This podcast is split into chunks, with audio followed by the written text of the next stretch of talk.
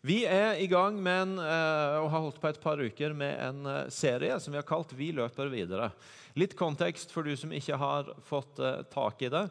I første helga i september så hadde vi ei helg hvor vi først feira at, feira 39 år for Martin som leder av menigheten.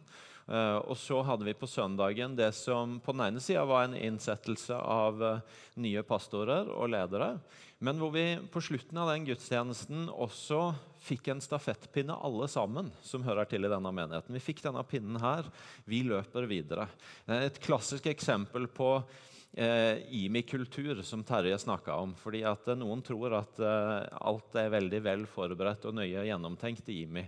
Sannheten er at sånn ei lita uke før den søndagen så, vi, så, var vi noen stykker i Kambodsja og så så vi på ei lederseminar der at på slutten så delte de ut sånne stafettpinner. Og så tenkte vi ja, der har vi det! Det må vi ha den søndagen. Og Så eh, spurte vi først de kan dere lage 1000 til av de. Da bare lo de av oss nede i Kambodsja. Eh, og så ringte vi hjem og sa dere må finne på noe. Eh, og Sven Eggebø kutta 1000 stafettpinner, og hele staben sto og pussa på ender her.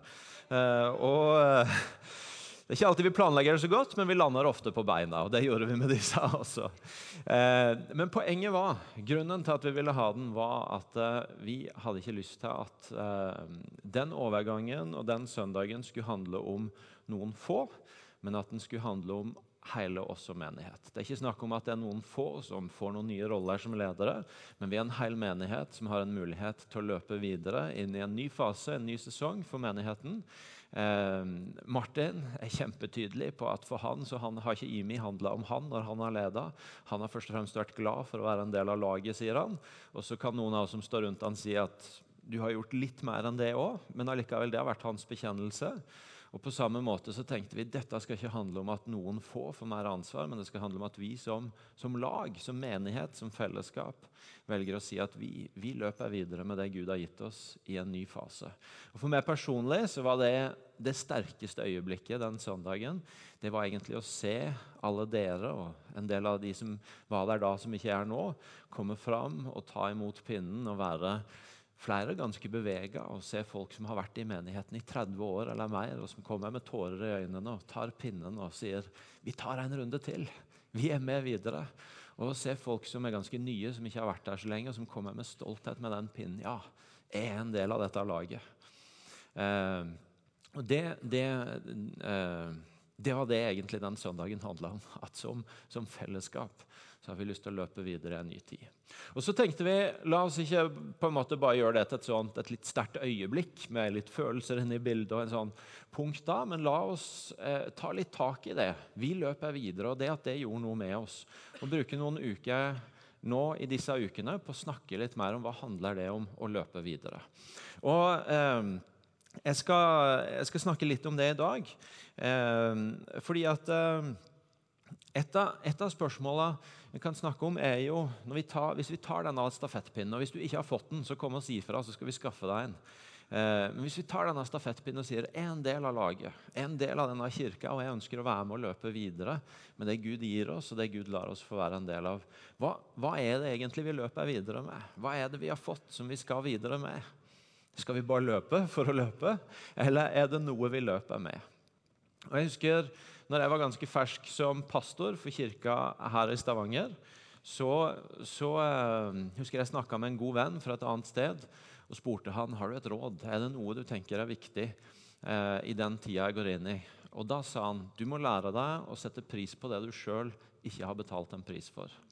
Du må lære deg å sette pris på det du sjøl ikke har betalt en pris for. Og For meg så har det vært et kjempeviktig ord og en kjempeviktig setning som jeg stadig har kommet tilbake til i de åra som har gått. Denne her erkjennelsen av at jeg får lov til å komme inn og være med på, være en del av og tjene ut ifra noe som mange andre har vært med å legge et grunnlag for og betale en pris for. Det er ting som er selvsagt for meg i det som er min hverdag i dag, som ikke var selvsagt for en del av de som har vært i denne kirka en god del lenger enn meg. Men som noen har investert krefter og tid og penger og tatt noen fighter for og, og demonstrert trofasthet i. Sånn at det som en gang ikke var en selvfølge, på mange måter i dag er en selvfølge. Og For mange av oss tror jeg det er ganske lett å kunne ta ta den analogien til hvis vi på en måte strever med å få tak i det til vår egen familie. Jeg tenker på min egen far. Som tiåring så døde hans mor, og faren hans var predikant, så han ble sendt til en familiegård i Østfold på andre delen av landet. Han var der noen år. Som 14-åring så reiste han til sjøs som sjømann. og Tanken på at jeg sjøl skulle reise til sjøs som 14-åring, er jo mildt sagt latterlig. Jeg tror jeg løp åssen det skulle gått, for å si det sånn. Eh, og, og, og, og var, var, ute i sju år før han så noen av familien sin igjen. og Før han kom hjem igjen. og møtte Jesus sjøl og begynte på en egen, en egen reise som, som predikant. Og jeg, og jeg, husker en gang jeg satt hjemme og, eh, og vi spiste, og, og, eh, jeg syns han var så utrolig grundig med å få opp alt som var på tallerkenen. Og som andre tenåringer så kommenterte jeg jo det, sikkert ikke i en altfor vennlig tone. Men, men, i hvert fall så lærte svaret meg at det hadde jo et bakteppe av at når han var på min alder, så var var det ikke en selvfølge. Det, eller det var mer normalen enn ikke-normalen at han ikke ble helt mett. At det ikke var helt nok. Og derfor så lå det bare inne i systemet hans at det som er der, det må vi jo sikre oss. Og Så kunne jeg fortsatt å fortelle om min mor og min far, men dere tar poenget. Det gikk opp for meg at oi, det er ting som for meg er blitt en selvfølge, som for han ikke var det. Og Det tror jeg sikkert flere av oss kan relatere til med foreldre eller med andre vi er i nær relasjon med. Og På samme måte så er det noe av bildet for oss som menighet. At det er ting som, som for oss er hverdag i dag, som en gang ikke var hverdag, men som noen har betalt en pris for. Og Det er noe av, eh, noe av det som er viktig for oss tror jeg, når vi går inn i en ny fase, når vi løper videre. En visshet om at uh, det er ikke selvfølgelig det vi får være en del av, men det er noe vi skal få være takknemlige for og ha en ydmyk for, ydmykhet for at noen har løpt foran, foran oss på.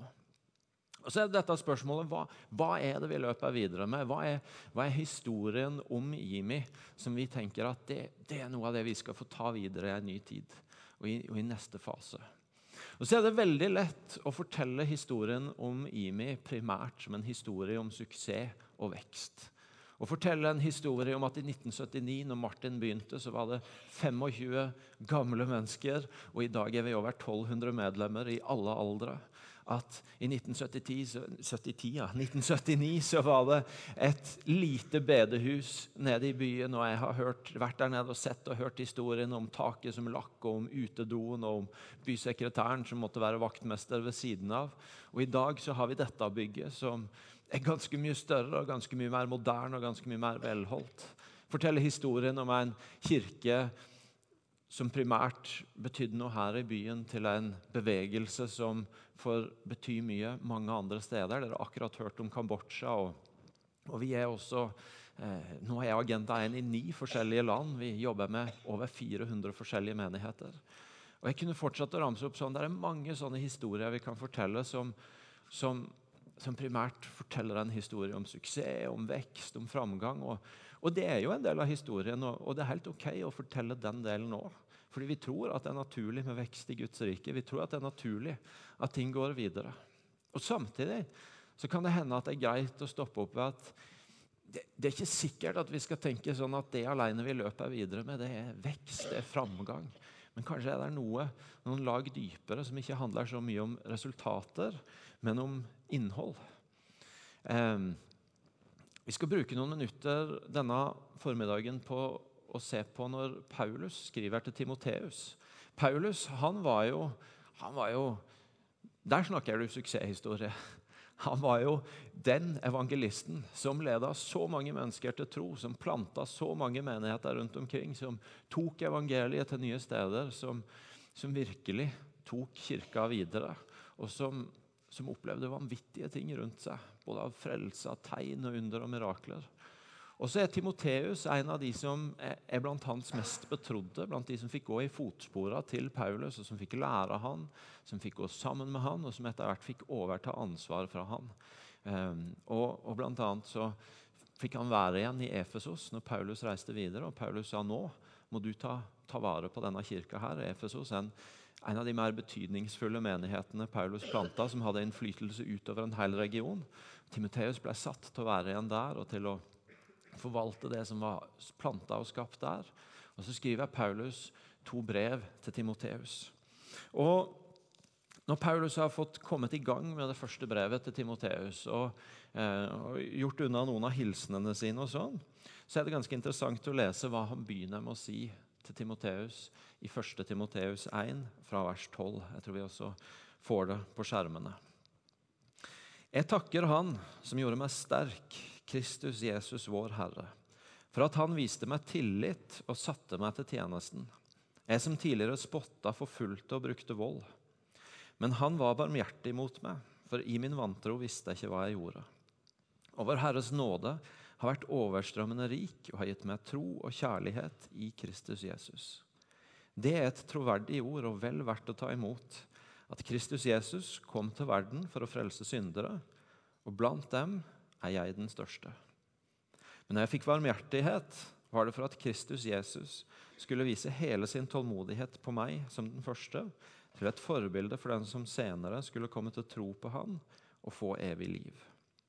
Han som er konge i evighet, den uforgjengelige, usynlige, eneste Gud, han være pris og ære i all evighet. Amen. Er det ikke interessant at når en av de store evangelistene, en av de store menighetsplanterne, en av de virkelig store skikkelsene i den første kirka, skal begynne med å fortelle videre til en av sine disipler, en av sine etterfølgere dette, her, her er noe du må ta med deg.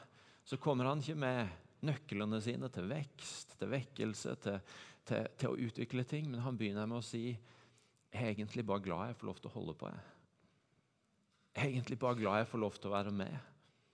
Fordi dette er ikke mitt, men det er Guds nåde. Og, og, og, utgangspunktet er hans kjærlighet og hans nåde til meg og til andre syndere, og blant synderne er jeg den største. Det syns jeg er litt av et utgangspunkt når Paulus skal begynne å fortelle videre. Hva, hva, hva, er, det, hva, er det jeg vil gi til deg, Timoteus? Først og fremst så vil jeg du skal vite at jeg er bare glad for at jeg får lov til å holde på. Og Dette er Guds nåde. og Det handler ikke om min prestasjon, men det handler om hans nåde inn i mitt liv. Jeg har fått gå tett sammen med Martin i disse åra. Og en ting som han er ganske notorisk på, det er at han nekter å svare når folk vil ha han til å si hva er nøkkelen bak at det som har skjedd, har skjedd i Imi. For han sier det vet vi ikke, for det er Guds nåde. Og vi kan egentlig ikke forklare det. Vi kan si noe om, vi kan fortelle historien vår, vi kan si noe om hva vi har gjort. Men til syvende og sist så er det Gud og ikke oss. Og det er en nådegreie og ikke en prestasjonsgreie. Og Det er en så viktig del av vår arv av hvem vi er. En bekjennelse av at dette her, det er Guds nåde. Det vi får være med på, det er Guds nåde.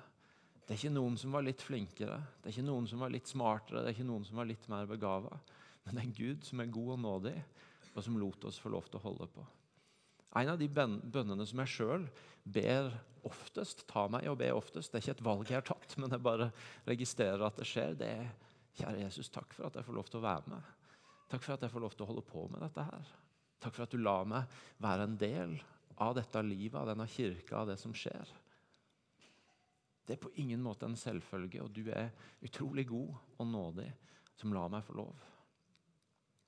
Det kan godt hende at noen av dere kommer inn i denne menigheten og tenker er det bruk for meg her? Er det plass? Er jeg åndelig nok? Er jeg begava nok? Er jeg gira nok? Er barna mine snille nok på gruppene? Er ekteskapet mitt bra nok? Og så videre. Og så er det sånn at alle her inne kan fortelle historien om hvorfor vi ikke hadde fortjent å få være en del av det. Hvorfor vi ikke hadde passa inn. Hvorfor vi på en eller annen måte ikke hadde fortjent å, å få holde på i Guds rike. Men så er vi alle en del av historien om Guds nåde, som jobber på tross av og ikke på grunn av, og som lar oss få være en del av. Ikke for det vi fikk til, men fordi han er utrolig nådig, og han elsker. Og Det bekjente Paulus, den største misjonæren av de alle. Og det bekjenner vi, enten vi har lederroller i denne kirka eller har mer frivillige roller, eller, eller uh, opplever oss på en måte midt i det, eller er litt usikre på hvor vi er plassert. Vi er her av nåde, og det er bygd på nåde, og det er utgangspunktet. Og Det betyr at alle er invitert til å være med. Det handler ikke om hvordan du sjøl føler at du med ditt liv, med din begavelse, med din åndelighet, med, med, med, med, det du er stolt av eller ikke stolt av, føler du kan skrive deg inn i historien. Men det handler om at Gud skriver deg inn i historien med sin nåde. Og du er velkommen til å bli en del av det. Jeg har en bønn jeg ber nesten hver dag, og det er tusen takk, Jesus, for at jeg får lov til å være med. For at jeg får lov til å holde på. Den bønnen den kan du òg få lov til å be når du løper videre. Når du sier at OK, da, men jeg, jeg skjønner at for det om jeg ikke har alt på plass, for det om jeg, når jeg begynner å sammenligne meg med noen rundt meg, så kan jeg føle på det ene og det andre. Jeg så velger jeg å løpe videre fordi jeg tror på at Guds nåde er viktigere enn mine prestasjoner. Det skal være fundamentet vårt. Og Det skal vi få løpe videre med, og det skal få være vår holdning i møte med verden rundt oss. At vi er ikke de som, fordi vi har så stort overskudd i oss sjøl, så har vi så mye å gi til verden rundt oss. Vi er de som, fordi vi har så sterk erfaring av at vi trengte Gud i livet vårt, så har vi litt som kan renne videre til andre, fordi det er så ferskt i oss sjøl. Det er så ferskt i vårt eget liv at vi trengte Han. At vi trengte Hans nåde. At det får lov til å dryppe videre på andre. Det er mer det enn av overskuddet, enn at fordi vi fikk alt til, så kan vi lære alle andre om det. Men Guds nåde får virke gjennom oss, sånn som Paulus sier at det gjorde med han. Amen. Amen. Andre, så fortsetter Paulus, og så sier han eh, Timoteu, i kapittel 1, vers 18.: Timoteus, mitt barn, slik er oppdraget jeg nå overgir til deg, i samsvar med de profetiene som før er talt, deg, talt til deg. Ved dem skal du stride den gode strid, i tro og med god samvittighet. Paulus begynner å snakke om de profetiene som er talt over livet til, til, til, til Timoteus. Han snakker om de ordene som er lydd over livet hans, om hvem han er, om hva han skal være, om hva han skal gjøre. Og han, han minner han om det og sier at de må du holde fast på. De må du, de må du ikke gi slipp på. Eh, og de må du la, få la være med på å sette retning for det du gjør. Og det verset er kommet opp der, jeg skal bare raskt også referere til at det, bare for å vise at dette er noe Paulus kommer tilbake til flere ganger i dette brevet. I kapittel 4, vers 14 så sier han Forsøm ikke den nådegaven du har den du fikk på grunnlag av profetiske ord da Eldsterådet la sine hender på deg. Forsøm ikke den nådegaven du har, den du fikk på grunnlag av profetiske ord. I kapittel 6, vers 20 så sier han, kjære Timoteus, ta vare på det som er betrodd deg. Og I 2. Timoteus 1, kapittel 6, så sier han, la Guds nådegave i deg flamme opp på nytt. Paulus sier til Timoteus, hold fast på det Gud har talt over livet ditt, og det Gud har lagt ned i livet ditt, og som du skal få lov til å bruke i møte med andre og når du skal tjene andre. Hold fast på det Gud har talt over deg, og det han har lagt ned i livet ditt. Over dette huset så har det lydd mange ord. Over denne menigheten har det lydd mange ord. Denne, I denne menigheten har Gud planta noen ting som er spesielle, som er dyrebare, og som vi må holde godt fast på.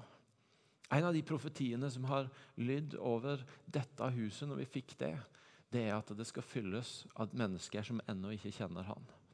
Og det skal få lov til å bygge i oss og fortsette å ha i oss en sånn, en sånn ydmyk erkjennelse av at ja, det som er her inne, det er egentlig ikke vårt. Men det tilhører noen andre som ennå ikke vet om det. Og Derfor er pulsen vår utover mot å bety noe for andre, mot å gjøre Guds godhet tilgjengelig for andre, mot å gjøre Jesus synlig for andre. Det er noe som vi aldri kan gi slipp på. Og vi veit, for sånn er det i all kirkedrift, at, at hvis ikke vi kjemper mot det, så tar pila oss alltid innover. For det er alltid noe som kunne vært bedre i kirkene våre. Det kunne alltid vært litt, litt bedre forkynnelse, for å begynne med meg sjøl. Og et eller annet i barnearbeidet som kunne vært bedre. Og et eller annet som kunne vært enda skarpere i musikken. Og, og, og, og lydanlegget skulle vært nytt. og der er, der er, alltid noe greier. Og dere, sikkert, dere kan sikkert fylle ut lista sjøl. Jeg trenger sikkert ikke å komme med alle alternativene for dere. Det er alltid så mange behov inne som gjør at hvis ikke vi passer på, så drar pila oss hele veien innover mot de tingene vi ser, mot behova, mot det vi gjerne skulle gjort. Og så er vi nødt til å holde fast i at grunnleggende så er ikke dette huset vårt. men det tilhører noen som ennå ikke er kommet, og som ennå ikke vet om det. Og Vi er nødt til å holde i hverandre denne uroen på at vi må ut. Derfor er vi nødt til å åpne denne høsten med å snakke om frimodig tro. Derfor er vi nødt til å mase på huskirkene om at ja, det er flott at dere har det kjekt sammen, men dere må ha plass til noen som ikke kjenner Han. Dere må ha en retning utover. Selv om, selv om ah, ja, men det er litt stein i skoa av og til, fordi det, det, uroer og det utfordrer, men, men det er nødt til å være sånn. Fordi det er en del av hvem vi er. Og vi kan ikke miste det. Og om noe så bør vi bli enda tydeligere på det. Dette huset er ikke vårt, men det tilhører noen som ennå ikke har kommet hit. Og, og dette fellesskapet er ikke vårt, men det, er, det, tilhører noen som ennå ikke har fått møte han. Så det, det er noe av det. Og så har også Gud, som jeg sier, lagt ned i oss en del ting gjennom den historien, gjennom det som, som, som, jeg sier at noen har betalt en pris for det som for oss i dag er en selvfølge, så har Gud lagt ting ned som er blitt til en del av livet vårt i vår menighet. Og, og, og, og Det kunne egentlig vært en egen tale i seg sjøl. Jeg kan ikke begynne å nå liksom mynte ut her er kulturen vår. For det er ofte det begrepet vi bruker på det. At gjennom åra er det blitt bygd en kultur her av ting Gud har gitt oss å leve i, som, som eh, Eh, som vi får lov til å forvalte og vi får lov til å gå videre med. Et redskap vi ofte bruker for å si noe om det, det er en trekant som, som, mange av dere gjerne har sett. Jeg tror den kommer opp på skjermen nå. Hvor vi på en enkel måte bare sier at noe av livet Gud har gitt oss, kulturen vi har fått her, det er Guds nærvær. At vi tror på en Gud som er levende, som er nær, som går an å ha et vennskap med, en relasjon med, går an å kjenne, går an å høre, går an å møte. Og Derfor så, så, er vi opptatt av å bruke god tid på å tilbe Han. Vi er opptatt av de tingene som, som, legger til rette for at vi kommer nær Han som er nær. Fordi at det er en del av livet vårt. Og Vi snakker om Guds familie fordi at vi tror at Gud har åpna opp for oss noe om at kirke er mer enn å komme sammen en gang i uka og være med på det samme. Kirke er meint å være mye tettere. Og, og, og, og vi, vi, får det ikke alltid til, men vi jobber mot hva, hva betyr det at kirka er en familie.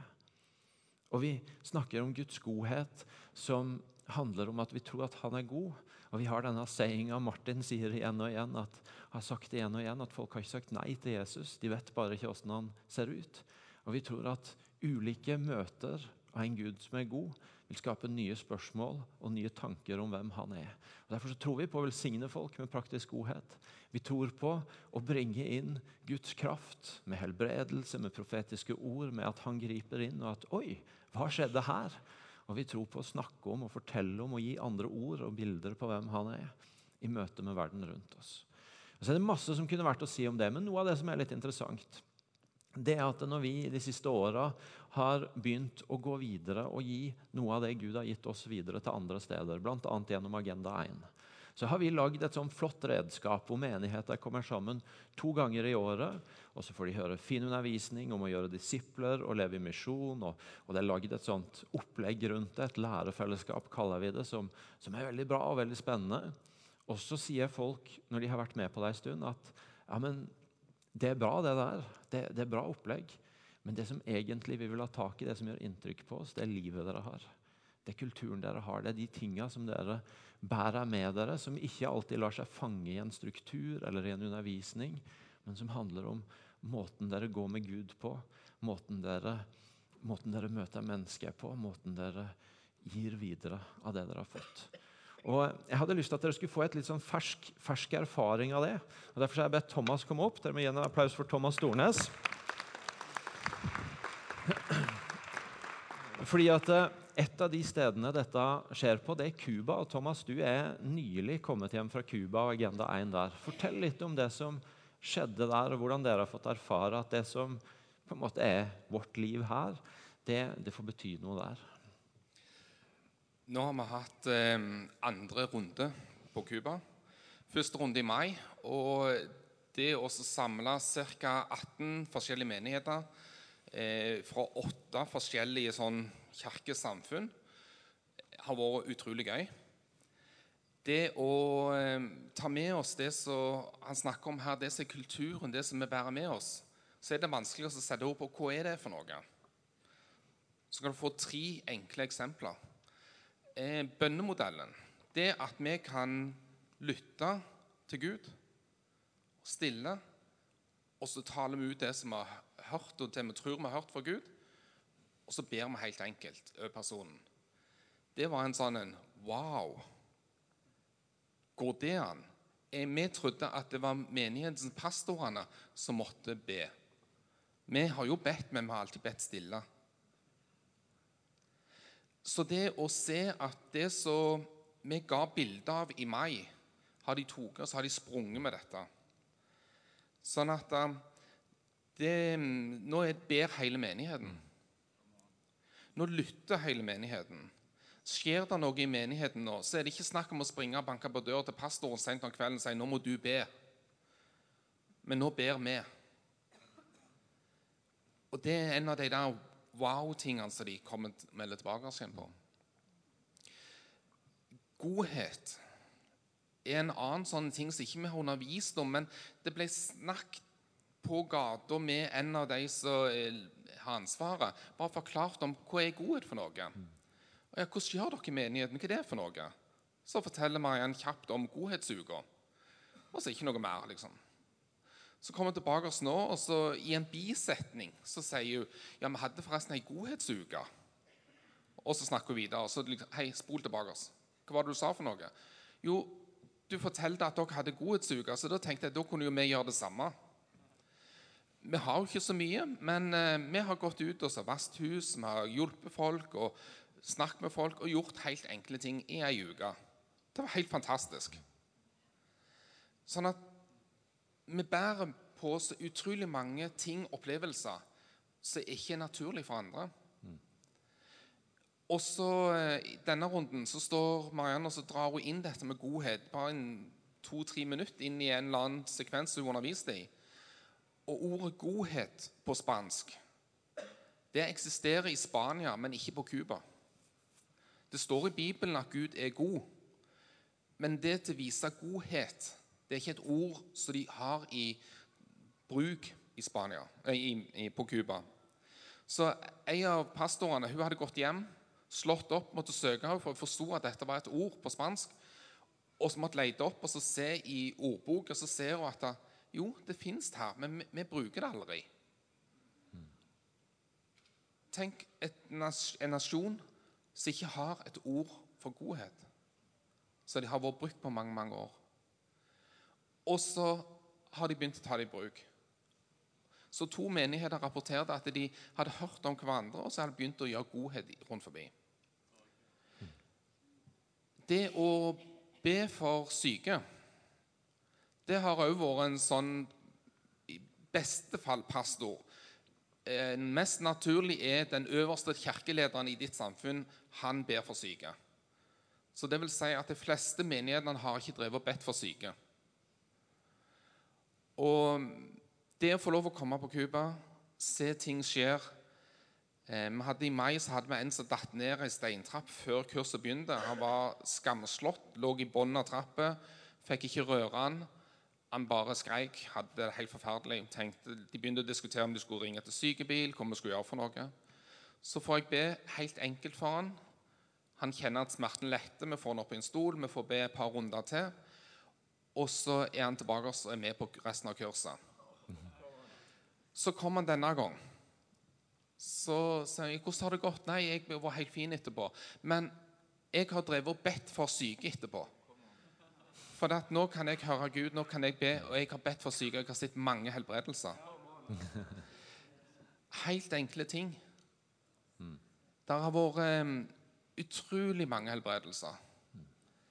Vi møtte hun som skulle ha hovedansvaret for Agenda 1. Hun hadde falt og skada foten, gått på krykken i noen uker. Nå hadde hun hevet krykkene, men hun kunne ikke gå opp trappene i huset. Så med sammen hun lukker opp døra og ønsker oss velkommen. Så sier du der er mat oppe, men jeg må spise ned, for jeg kan ikke gå opp trappene. Og så sier vi nei, det er jo ikke greit. Nå ber vi. Så ber vi helt enkelt. Ikke noe vanskelig i hele tatt, for Gud er god. Smertealt forsvinner, hun er med oss opp og spiser. Det er første gang hun har gått opp i tredje etasje på flere uker. Hun gikk opp og ned resten av tiden mens vi var der borte. Vi er så vante her på huset til at vi kan gjøre disse tingene. Men likevel så blir det vanskelig. Men det er ikke vi som gjør det, det er Gud som gjør det. Og når Gud er til stede, og Gud gjør ting, så ser vi at to av menighetene rapporterer det tilbake oss igjen. At de har hatt en dobling. De har gått ifra 31 medlemmer eller som var på gudstjenesten, så er den blitt nesten dobla. Mangler én og to personer på dobling. Andre menigheter mellom akkurat det samme. Altså to menigheter som har ligget på en 21-30 stykk, har blitt dobla. Mm. Så over 50 nye bare på de to. Stian Mai. Alle menighetene melder om at de har hatt vekst siden mai. Det er spesielt. Og det å se at Gud er til stede Det er ikke hva vi gjør. Men vi har lært noe her på hus, alle sammen, som vi kan bruke. For vi har tilgang til Han som kan alt.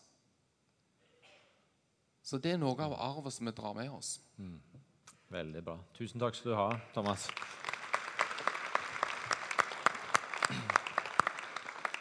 Og Noe av det som er nøkkel i det Thomas snakker om, det er jo at dette med at alle kan gjøre det, ikke sant? som er så viktig del av livet vårt. At vi, vi tror at Gud gir noen en gave til å helbrede og be for syke, men vi tror at alle kan be for syke. Vi tror at noen har en gave som evangelister til å dele evangeliet, men alle kan snakke om Jesus.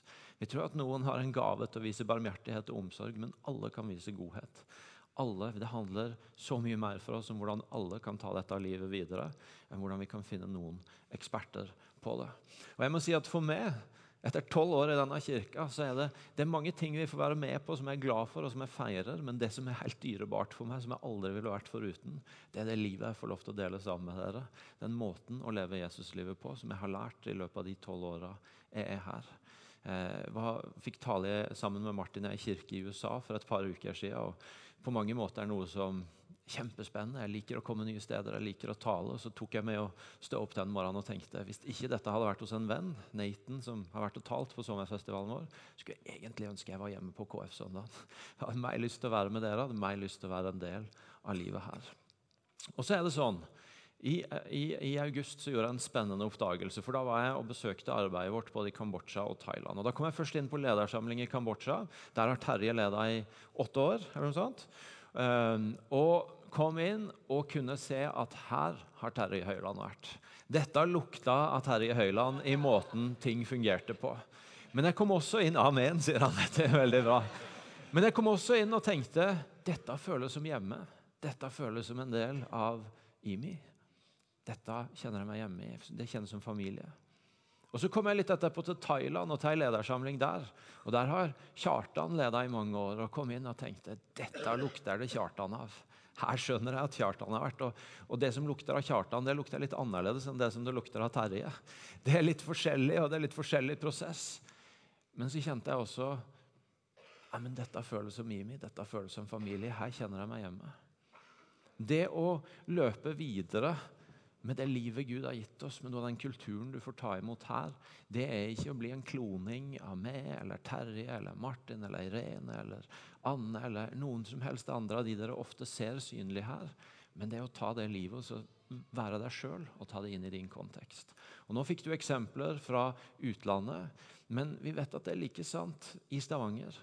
At det er ikke primært sånn at folk finner veien til dette huset fordi at de er imponert av menigheten vår, men de finne veien til dette huset fordi at noen tok livet med seg ut. Og Så fikk de oppleve en velsignelse, de fikk oppleve at noen ba for dem, de fikk oppleve at noen ga noen ord som ga noen nye bilder for dem, noen betydde noe for dem. Og det åpna opp for nye tanker om hvem Jesus er. Og Det er din og min mulighet å gå videre og løpe videre med det livet Gud har gitt oss. Tida går, skal, men helt kort så har jeg lyst til å ha med ett punkt til. Fordi at Paulus skriver i kapittel 6, vers 11 til Timoteus. Men du, Guds menneske, hold deg borte fra dette, og jag etter rettferdighet, gudsfrykt, tro, kjærlighet, utholdenhet og ydmykhet.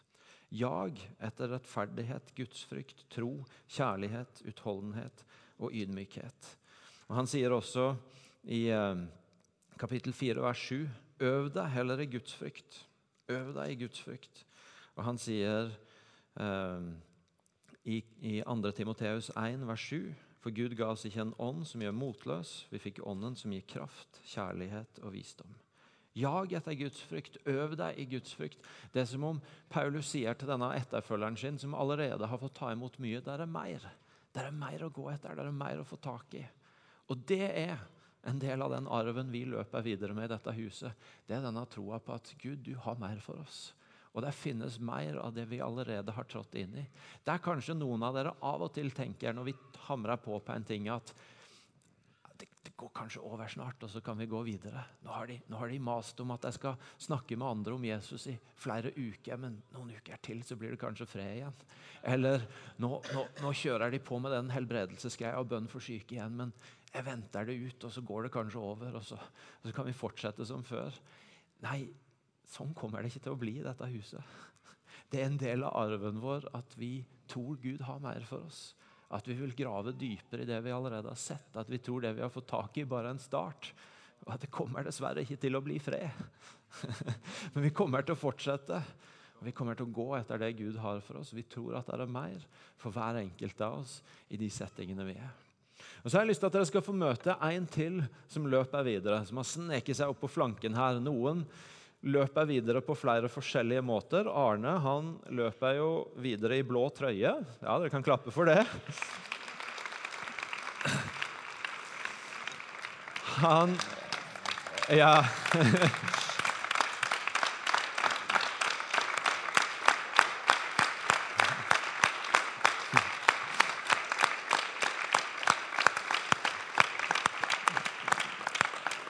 Veldig bra. veldig bra. Arne så jeg, jeg, sa til Arne du må være med i dag. Og han sa det vil jeg, men jeg skal ha andakt på blå gruppe. Så jeg kan ikke komme egentlig når du spør, men jeg kan komme litt seinere. Så det er det. Men denne uka Arne, så har du opplevd noe annet. Torsdag klokka 07 sto det politimenn på døra di, ransaka huset ditt, beslagla telefonen din, gikk gjennom dataen din. Hva, hva var det egentlig som skjedde? Ja, Vi har jo egentlig venta lenge på å få en status som sikta i denne saken. Dere ansetter ureturnerbare asylsøkere. Mennesker som lever i Norge fordi de ikke kan tvangsreturneres. Og som lever under et eksistensminimum eh, med store, store personlige konsekvenser.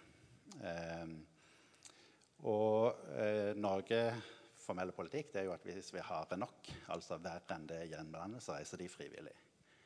Eh, men eh, så er dette land der det faktisk er verre å være og reise hjem til enn vi, vi greier ikke å undergå de landene i, i hvordan vi behandler de, så derfor blir de i Norge.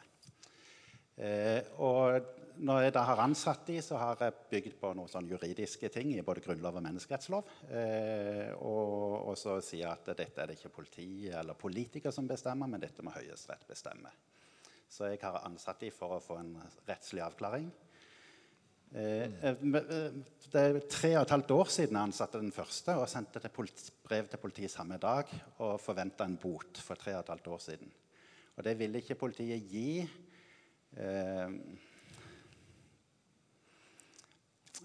det er jo For de visste at det, det gjorde det et godt hjerte ville hjelpe. Eh, og, og, politiet er jo Ja, de er mennesker, og det er veldig Vi har et veldig godt politi. Men så har det gått lang tid, da, og så har jeg fått legge mer press på bare skalert opp og skalert opp. Og skalert opp, og, og for å provosere fram en rettssak. Og det handler ikke om mine ansatte, dette. Det handler om situasjonen for 3000-5000 mennesker iblant oss. Um, og Omsider så fikk vi da en siktelse som ble tatt ut på torsdag, og som førte til at det kom fire, folk, fire politifolk, to av de fra Oslo. Mm. Eh, og gjennomsøkte huset og tok med seg masse papirer og masse data, harddisker, minnebinder og mobilen og, og litt sånt. Nå, nå, er du jo litt inne på det, men det er klart normalt sett så ville vi ikke feira på søndag hvis noen i kirka vår på en måte ble sikta og fikk politiet på døra. Nei. Så eh, for de som ikke kjenner saken så godt fra før, litt mer om hvorfor dette egentlig er bra. Målet har jo vært å få det inn i et ut av det politiske sporet og inn i det rettslige sporet. Eh, det at lovverket er såpass tydelig på det at det er håp. Eh, vi kan ikke si om det er 10-90 i utfall eller 50-50. Ingen jurister vil si det. Men alle juristene sier at dette er en sak som vi kan vinne.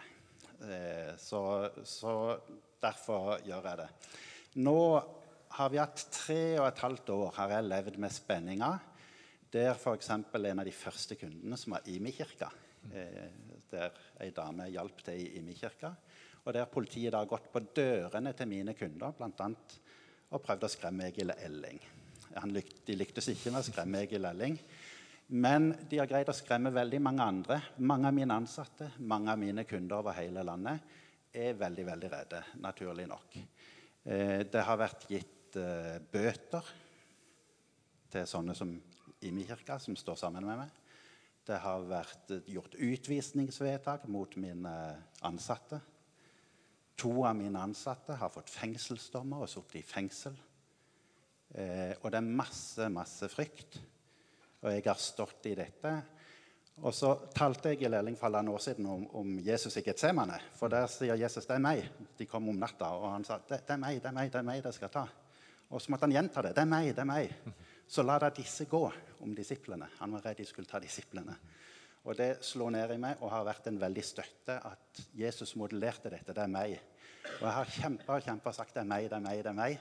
Og på torsdag så fikk vi det formelt. Nå er det plog det handler om, og mine ansatte kan slappe mye mer av. Og så går saken inn i et juridisk spor.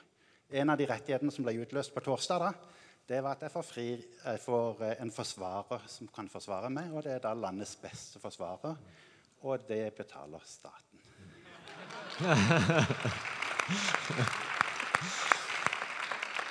hva, hva, er det du håper på at skal skje nå? Den gode løsninga på utfordringa vår det heter amnesti. Eh, retten til arbeid som jeg kjemper det er en bit av den uverdige situasjonen. De skal gå på vent, og, og de blir deprimerte og ødelagte. Eller utnytta i kriminalitet og svart arbeidsliv. Eh, den, men selv om vi skulle vinne retten til arbeid, så har de ikke rett til helsehjelp. De får ikke medisiner når de har smerter. De får ikke tannlegen til å trekke den tanna som verker så mye. Eh, alt det blir gjort av frivillige ressurser hvis det blir gjort. Eh, og det er en veldig uverdig situasjon. Og for å gi dem et verdig liv, så må vi ikke bare gi dem arbeid. For noen kan ikke arbeide, for de er syke. Så løsninga er amnestier. Min bønn er at dette arbeidsvinklinga, retten til arbeid, kan utløse et amnesti. Det er håpet. Eh, som vil gi Brida til verdighet, og som de fleste vestlige land gjør med ujevne mellomrom. Så sier de nå er tida moden for å gi et amnesti. Eh, så det er på en mm. måte det jeg håper skal skje. Eh, og ellers håper jeg at saken blir i en ryddigere spor, for det har vært mye, mye krinkelkroker og unnvikelser og forsinkelser så langt. Hva er det viktigste vi kan be for deg i denne tida? Eh, kan, eh, jeg vil jo Først så kan jeg takke, for Gud har vært ufattelig god. Og det har vært veldig mye tydelig ledelse og tydelige bønnesvar. Eh, så dere kan takke for den siktelsen som kom. Kan takke for å ha fått beste forsvareren. Kan takke for at vi føler oss trygge, både meg og kona og ungene. Og kan takke for at vi syns det er kjekt.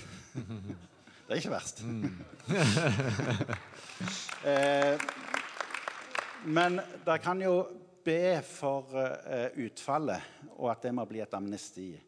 Dere kan be for regjeringsforhandlinger nå, der KrF og faktisk Venstre eh, kanskje nå forhandler med Høyre og Frp om nettopp amnesti for disse.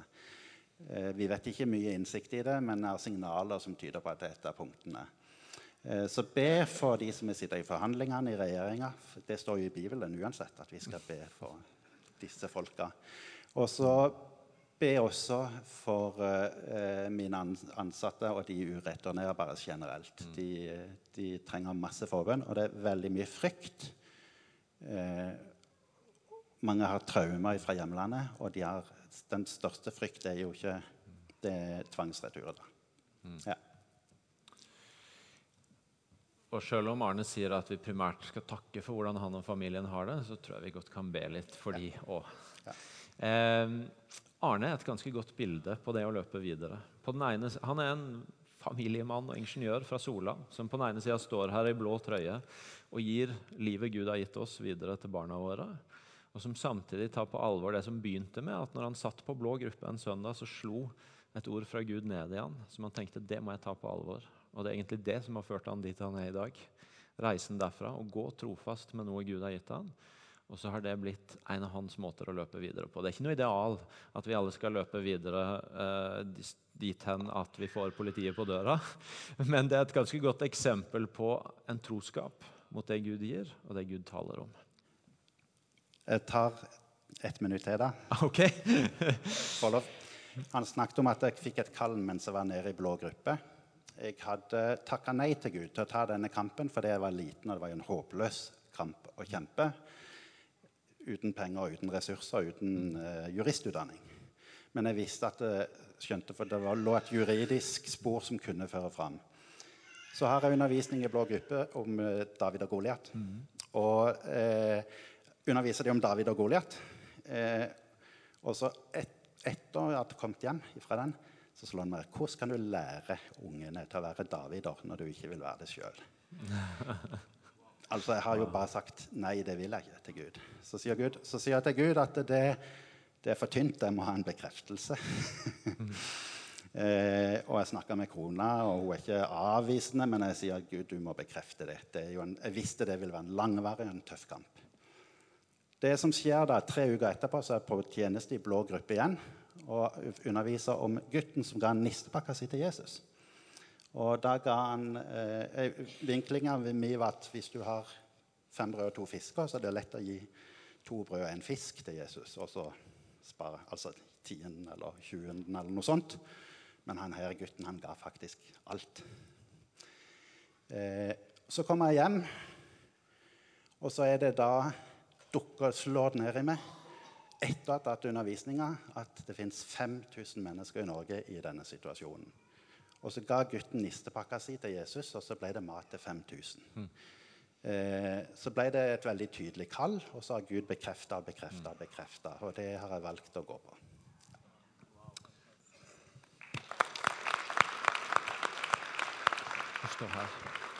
Vi må be for eh, Arne. Du kan gå ned her.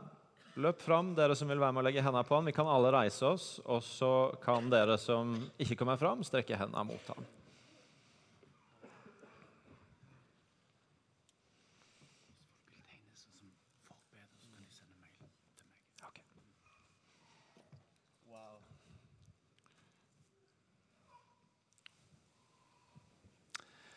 Wow, for en gudsmann du har gitt dette fellesskapet. Mm.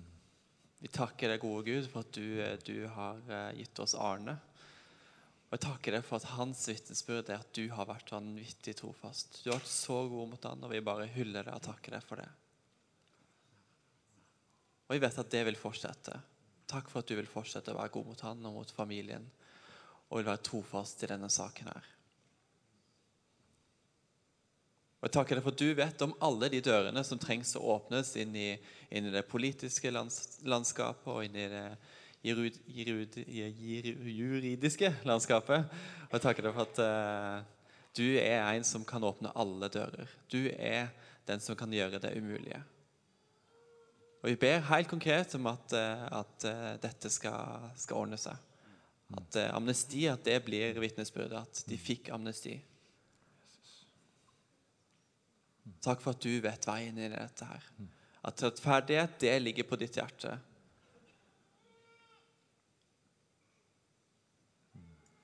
Vi legger denne saken og alle involverte i dine hender og vet at du er i dette her. I Jesu navn. Amen. Amen. Kan bare bli stående, skal vi fortsette å be sammen. Hvis du vil uh, tegne deg på en forbønnsliste for Arne, så kan du sende mail til terje terje.imekirken.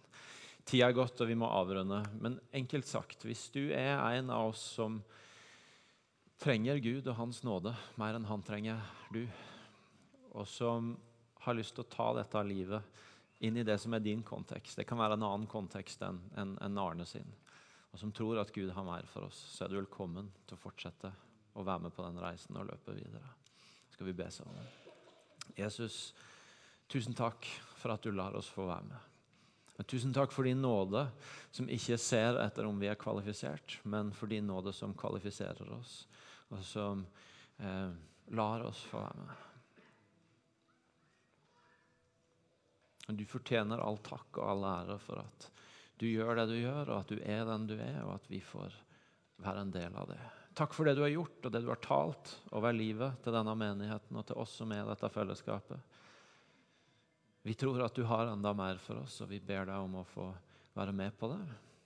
Og vi ber deg om at du akkurat nå taler til den enkelte av oss om hva det kan bety. For de som kanskje har holdt igjen fordi de har lurt på om de passer inn. La dette, den sangen som kommer nå, være et øyeblikk for å igjen ta imot din nåde. For de som har stilt seg litt på sida av det du har gitt oss av, av liv, av å, av å leve dette Guds rike livet, så la dette bli et øyeblikk for å Ok, men jeg åpner meg opp. Jeg har lyst til å begynne å gå. For de som tenker at det kanskje var nok nå. Kom, Hellige Ånd, og gi noen påminner om at du har mer. At det er mer å se etter, det er mer å gå for. Det er mer å få ta imot. Mm. Jeg bare synge sammen.